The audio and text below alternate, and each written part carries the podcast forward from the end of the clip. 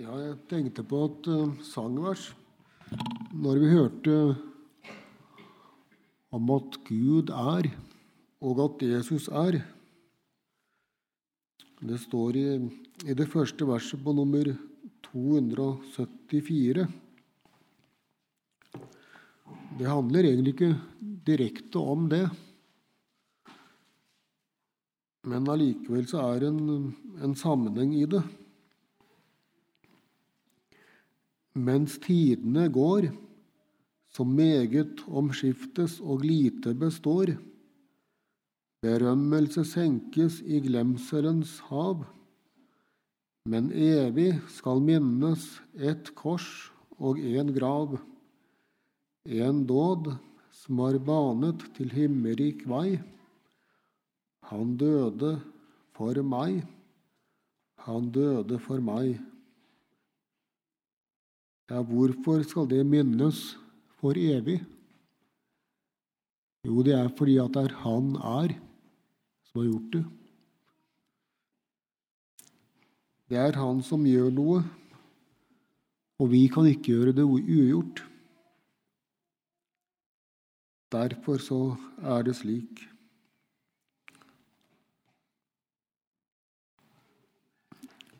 Ja, kjære Jesus. Vi vil takke deg for at du er den som er. Ja, ditt ord sier at du er den samme i går og i dag, til evig tid. Hos deg er ingen skiftende skygge. Du er ikke slik som vi er, som kan si noe, og så angrer vi. Nei, du sier noe, og så gjør du det. Ja, takk for at du var villig til å leve vårt liv og sone vår synd. Ja, vi ber om at det ikke må være forgjeves for noen av oss. Vil du fortsatt velsigne ditt eget ord for oss?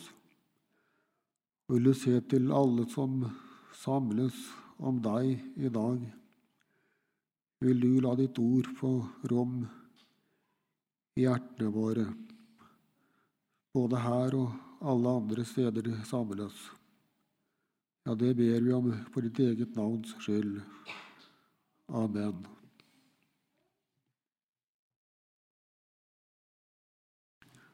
Ja, vi har lest i, fra Johannes 10 ifra, ifra fredag av. Og vi eh, slutta i går med å lese vers 18.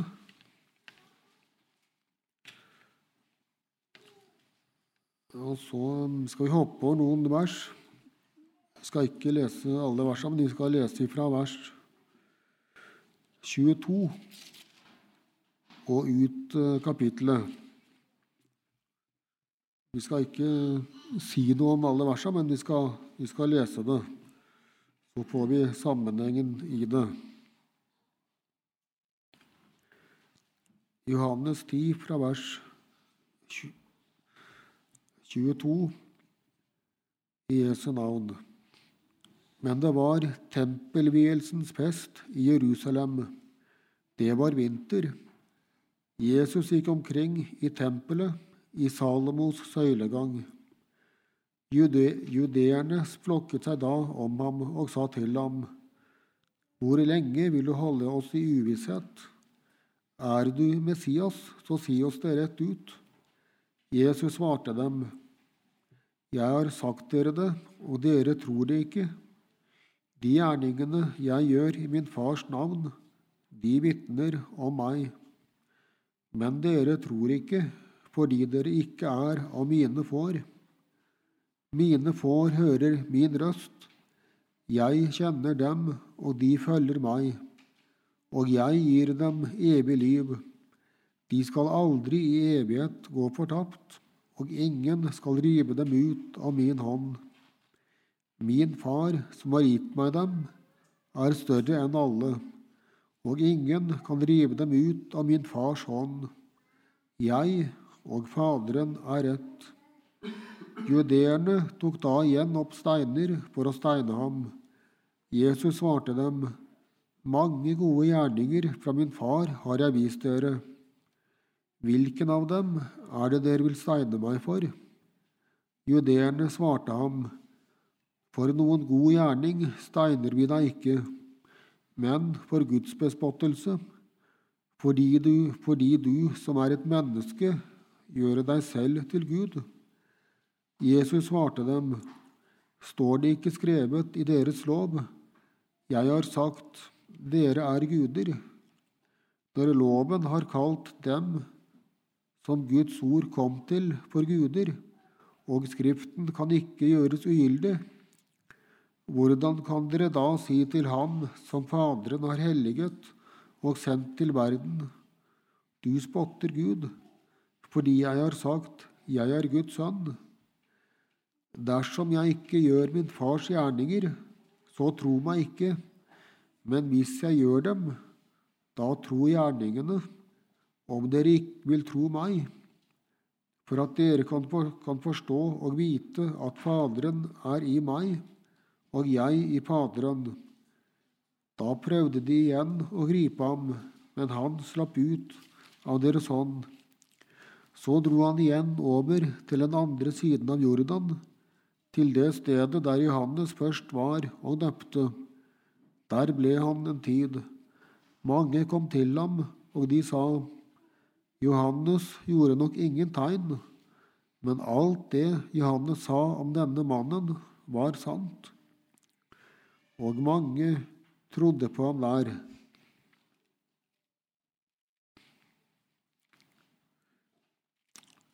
Ja, jeg nevnte jo det at vi slutta i, i går med vers 18,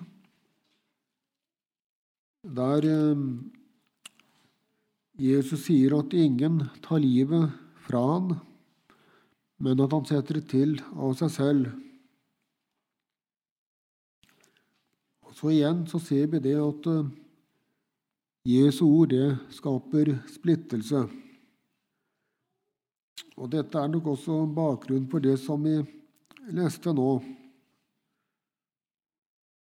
Og det er jo slik at på den ene siden så er Jesus veldig klar. Og på den annen, side så er det på en måte noe gåtefullt over det han sier. Vi kan si at han er klar på en litt gåtefull måte.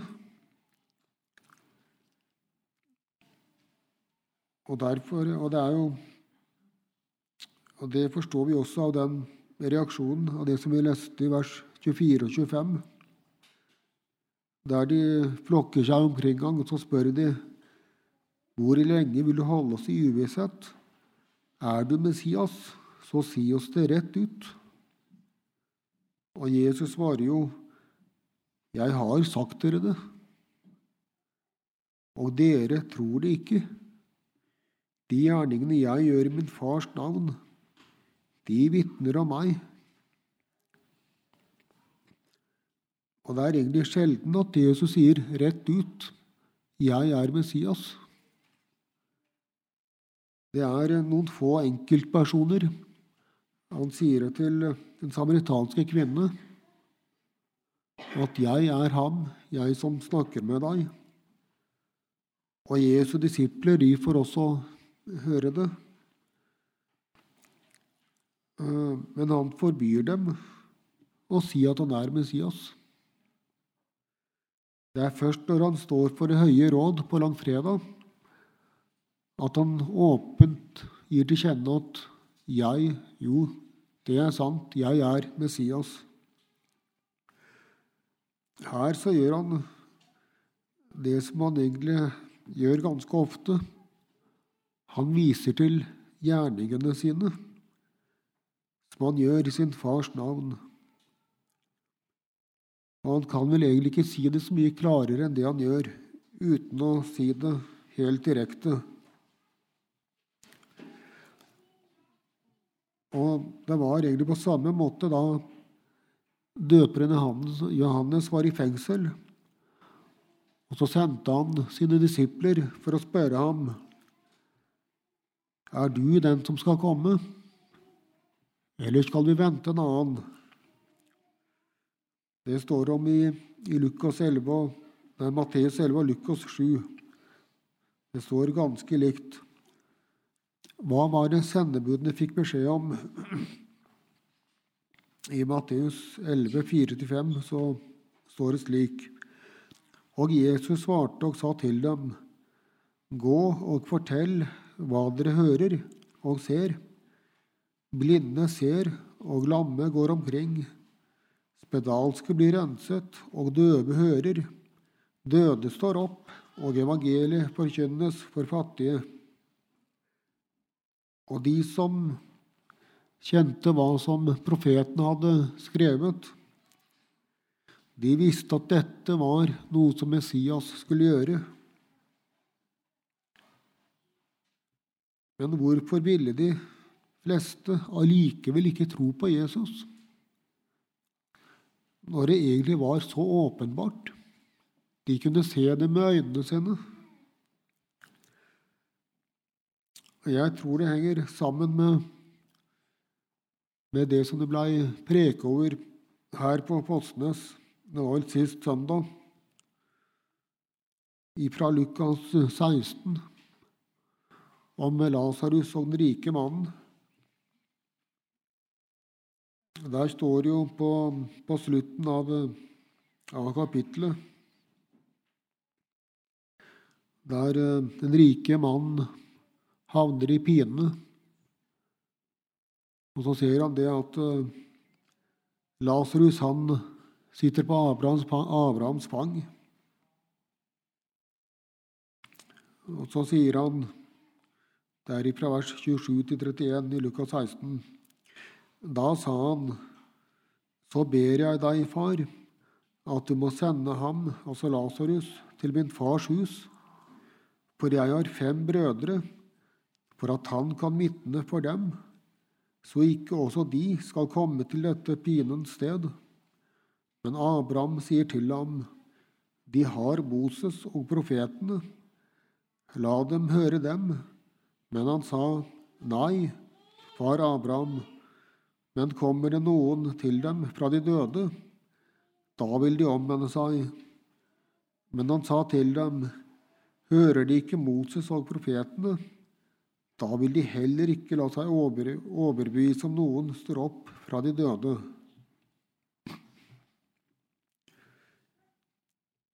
Og nettopp dette det har vi et, et tydelig eksempel på i Bibelen. Det er i Johannes 12. Etter at Jesus har bakt Lasarus opp fra de døde, så var det, det var riktignok en del som trodde på Jesus på grunn av det. Men så står det derifra vers 9 til 11 En stor mengde av jødene fikk nå vite at han var der. Nå kom de ikke bare på grunn av Jesus, men også for å se Lasarus, som han hadde reist opp fra de døde. Men så står det videre Men yppersteprestene la planer om også å drepe Lasarus, fordi mange av jødene gikk dit for hans skyld og trodde på Jesus.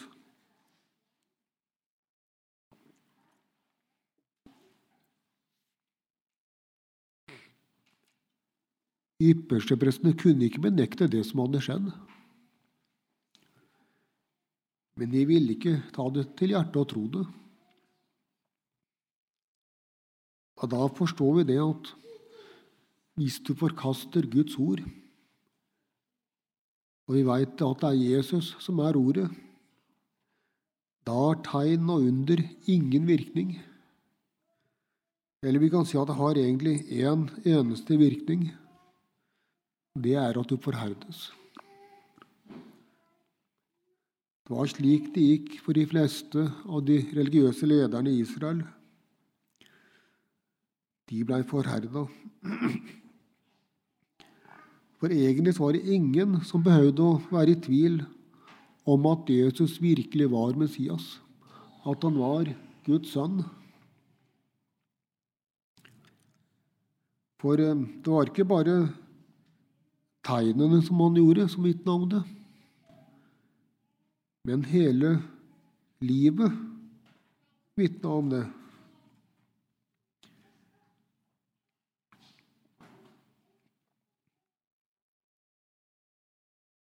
Men det er som det stod som det sto i vers 26 her. Men dere tror ikke, fordi dere ikke er av mine får. Hva var det som kjennetegn, kjennetegner Jesu får? Jo, det er det som sto i vers 27 her. Mine får høre min røst. Jeg kjenner dem, og de følger meg. Kjennetegn er ikke det at de ser alt, og de forstår alt.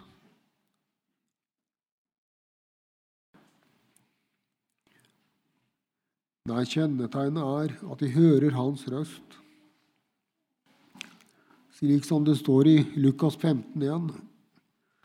Alle tollere og syndere holdt seg nær til ham for å høre ham. Det var ikke sensasjonsjaget som drev dem. Det var ikke det at de ville se et spennende tegn eller spennende under eller et mirakel. Nei, de hadde gjort samme erfaring som Peter og de andre disiplene. Han sier jo det i Johannes 6, 68-69, når Jesus spør om også de vil gå bort når alle de andre har forlatt ham. Herre, hvem skal vi gå til? Du har det evige livs ord, og vi tror og vet at du er Guds hellige. Men så leste vi her i teksten at det står ikke bare om å høre. Det står også om å følge. Og i Johannes 8, 34 og 36 Der eh, sier Jesus Sannelig, sannelig, sier jeg dere, hver den som gjør synd, er syndens trell. Og i vers 36.: Får da Sønnen frigjort dere, da blir dere virkelig fri. Ja, nå er det ikke slik at vi blir fri fra vårt syndeforderv ved å følge Jesus. Det blir vi ikke. Men det er ikke den som hersker over en kristen. Peter sier at vi ved Kristi blod blei kjøpt fri fra den dårlige ferd som har arvet fra fedrene. Det er fra 1. Peters brev 1, 18 og 19. Så kan de spørre ja, hva er det egentlig å følge Jesus? Ja, jeg tror vi kan si at det er å leve det livet som vi har i ham. Det er å leve etter Guds gode bud og formaninger. Det er å følge Jesus. Det er å følge etter hans liv, det som han levde. Paulus han sier slik i Romerbrevet 6,11.: slik skal også dere regne dere som døde for synden, men levende for Gud i Kristus Jesus. Det er jo slik at alle som lever utenfor Jesus, de har djevelen til far. Det er naturlig for oss mennesker. Det er å, å ha Han til far og gjøre hans gjerninger. Og det merker vi også, at det fristes vi til å gjøre. Men så er det slik at alle de som tar imot Jesus, de har fått en ny far. de har fått en ny herre. Djevelen har ikke lenger noe krav på oss.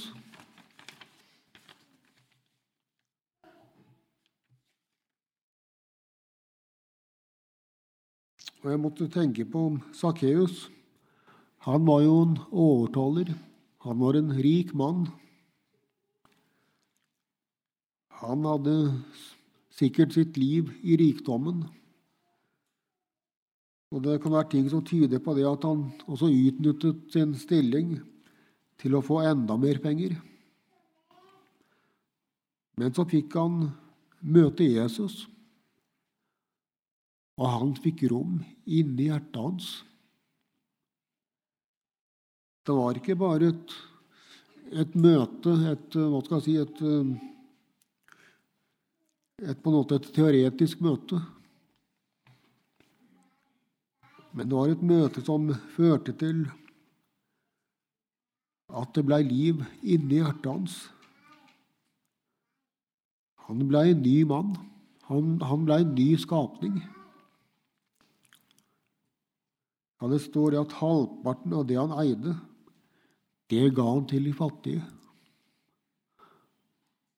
Han som før hadde vært opptatt av å kare til seg mest mulig, han kunne nå gi alt det han eide, til de fattige. Og om han hadde pressa penger av noen, ja, da betalte han, betalte han firedobbelt tilbake igjen. Pengene og rikdommen, det hadde ingen betydning. For nå hadde han fått en ny skatt, en ny rikdom. Han hadde fått en skatt som rekker bakom død og grav. En skatt som han beholder til evig tid. Det var Jesus. Og Vi leste jo også her i vers 28 og 29 det som Jesus sier om de som hører hans røst og, og følger ham. Og jeg gir dem evig liv. De skal aldri i evighet gå fortapt, og ingen skal rive dem ut av min hånd. Min far, som har gitt meg dem, er større enn alle, og ingen kan rive dem ut av min fars hånd. Ja, her ser vi hvilke veldige løfter som er knytta til det å høre og følge Jesus. Først jeg gir dem evig liv. De skal aldri i evighet gå fortapt. Det står ikke at han selger evig liv. Nei, det står at han gir. Og det står ikke noe om at han gir det til de som går ofte nok på møter, eller de som er hengivne nok, eller de som når langt nok i sin helliggjørelse. Det står ingenting om det.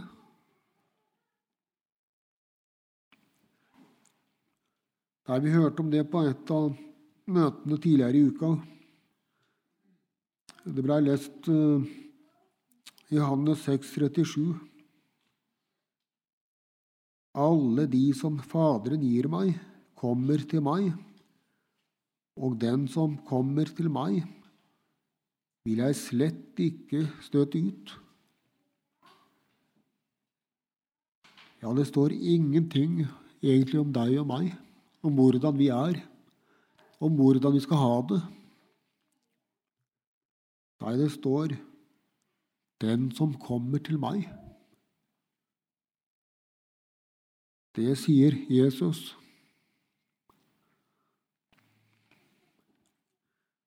Og så er det slik det er å være en kristen. Det er å komme til Jesus.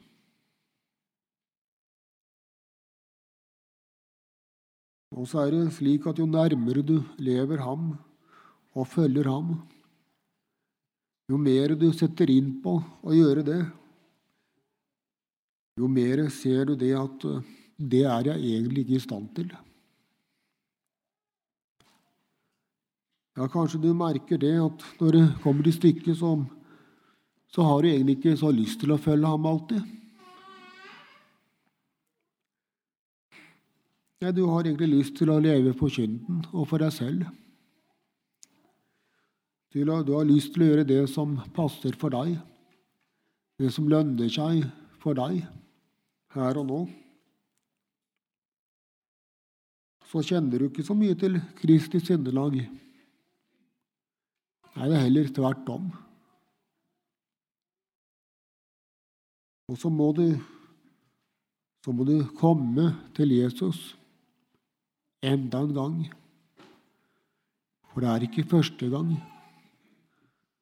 Det er mange ganger. Og så må du spørre, som vi hørte det blei sitert en gang fra Per Nordsletten o min frelser så kjær, kan du slik som jeg er, ta imot meg og feste til brud. Og kan du ha meg kjær, selv så heslig jeg er, da er du en forunderlig Gud. Og så leste vi Jesus svar, at den som kommer til meg, vil jeg slett ikke støte ut.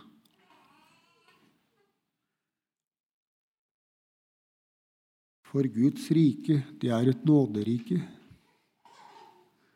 Og det er det i ordets rette forstand. Vi har så lett for å forandre på det. At det blir et nåderike, og så har vi et komme, og så har vi et men. Og så, når alt kommer til alt, så kommer det allikevel an på meg. Men da er det ikke et nåderike. For det er ikke slik at når du ber om nåde, at du ber om noe du fortjener. Nei, da trenger du ikke å be om nåde.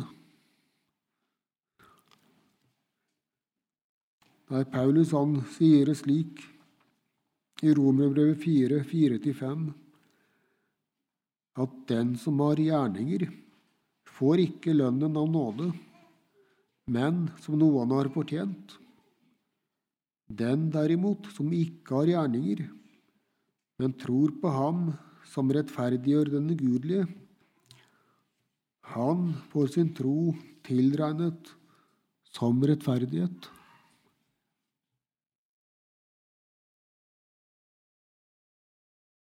Han skal vi få lov til å tro på når vi kjenner på vår ugudelighet.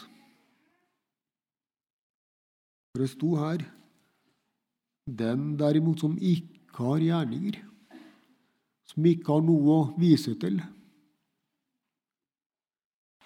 men som kjenner seg som ugudelig. Da skal vi få tro på Ham som rettferdiggjør den ugudelige. Og da lover Gud at han får sin tro tilregnet som rettferdighet.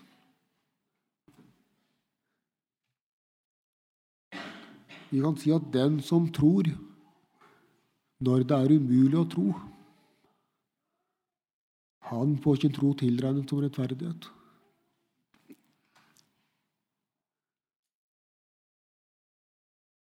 Også fordi løftet om evig liv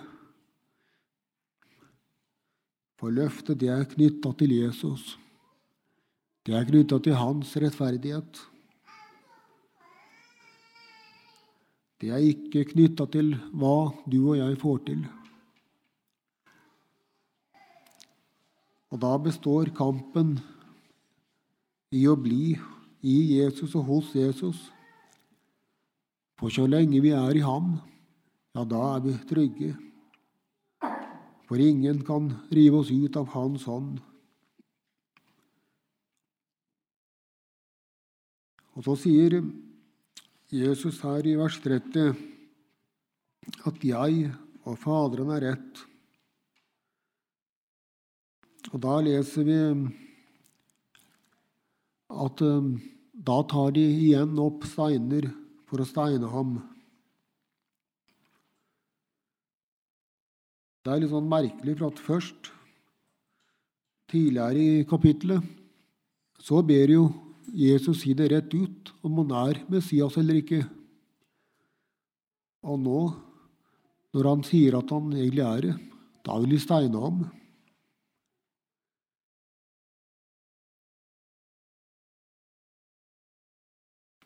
De nekter å gjøre det som Jesus sier i vers 37 og 38. Dersom jeg ikke gjør min fars gjerninger, så tro meg ikke.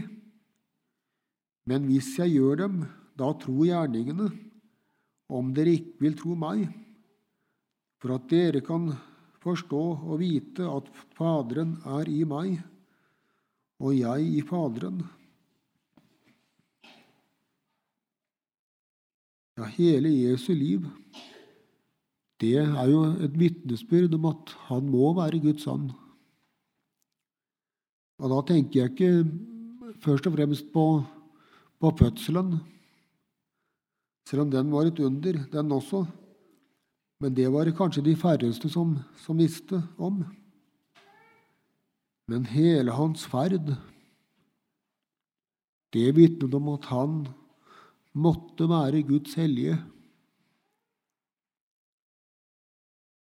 Han gjorde aldri narr av folk. Han tok aldri hevn. Han utnyttet aldri situasjonen til egen vinning. Han blei aldri stor på seg selv, om vi kan si det sånn. Nei, han var hellig og ren og ulastelig. Da er det ingen som kunne peke på Jesus og si det at der syndet du. Der trådte du feil. Der skulle du sagt det på en annen måte, eller gjort det på en annen måte. Eller der skulle du tid stille, eller ikke gjort noe. Eller der skulle du gjort noe. Nei, det kunne de aldri gjøre. Og det ser vi også når Jesus står for, eh, for Pilatus, er det vel. De har ingenting å anklage ham for, egentlig. Ingen ond gjerning. Ikke noe vondt.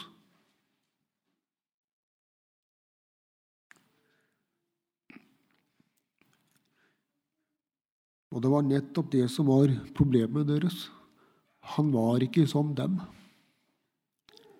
For hans liv, det var en anklage mot dem. Det vitnet om det at eh, slik som han lever, slik skulle jeg også levd. Og Derfor så ropte de 'korsfest, korsfest'. Og her ser vi at de prøvde å gripe han igjen for å steine han. Men vi leste det at han som sto i vers 39 her, at han slapp ut av deres hånd. Og så reiser han over til andre sida av Jordan, der Johannes først var og døpte, sto det. Så syns jeg det, står, det er fint, det som står i, i vers 41 og 42 der. Mange kom til ham, og de sa:" Johannes gjorde nok ingen tegn, men alt det Johannes sa om denne mannen, var sant, og mange trodde på ham der. Døperen Johannes sin virketid, den var slutt, men hans gjerning, den bar fortsatt frukt.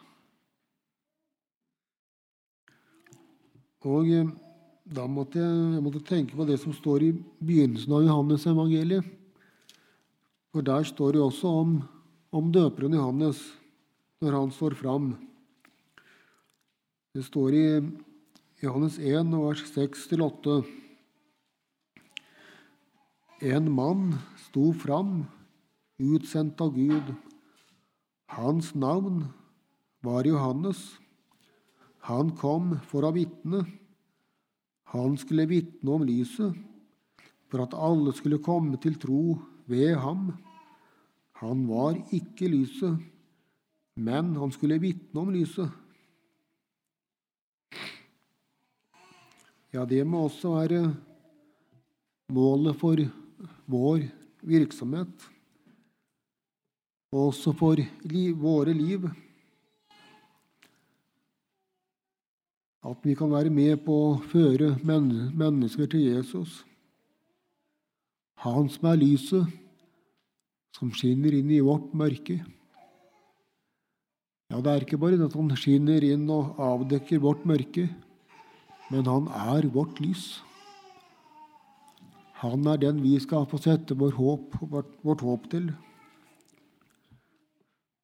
Ja, må det være slik at vi alle får være sånne små Johanneser som gjør som ham, og som kan peke på Jesus, han som er Guds offerlam, og som har båret hele menneskeselektens synder.